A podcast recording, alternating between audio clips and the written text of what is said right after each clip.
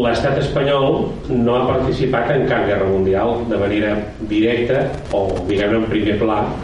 ni a la primera guerra mundial ni a la segona guerra mundial ni a la guerra freda perquè no eren de l'OTAN no ho vam ser fins al 86 si no m'equivoco. I que això explica per què Catalunya avui no és independent. Perquè a la fi de la primera guerra mundial es van trencar l'imperi rus va néixer Finlàndia, Polònia els estats bàltics, etc es va trencar l'imperi austro-hongarès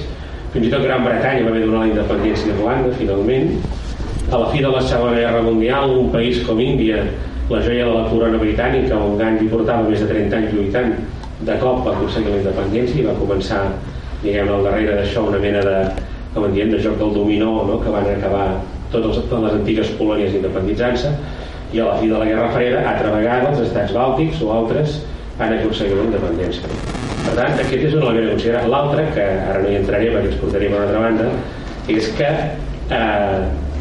no hem tingut una guerra mundial perquè no ens han volgut, perquè era un país d'Espanya militarment sense cap valor, un país que l'última guerra va guanyar va ser al segle XVII i perquè geogràficament també som un país perifèric però en canvi hem tingut una guerra civil que és una cosa que és molt pitjor. I en tot cas també ens portaria un altre, un altre tipus de, no una, diverses guerres civils no?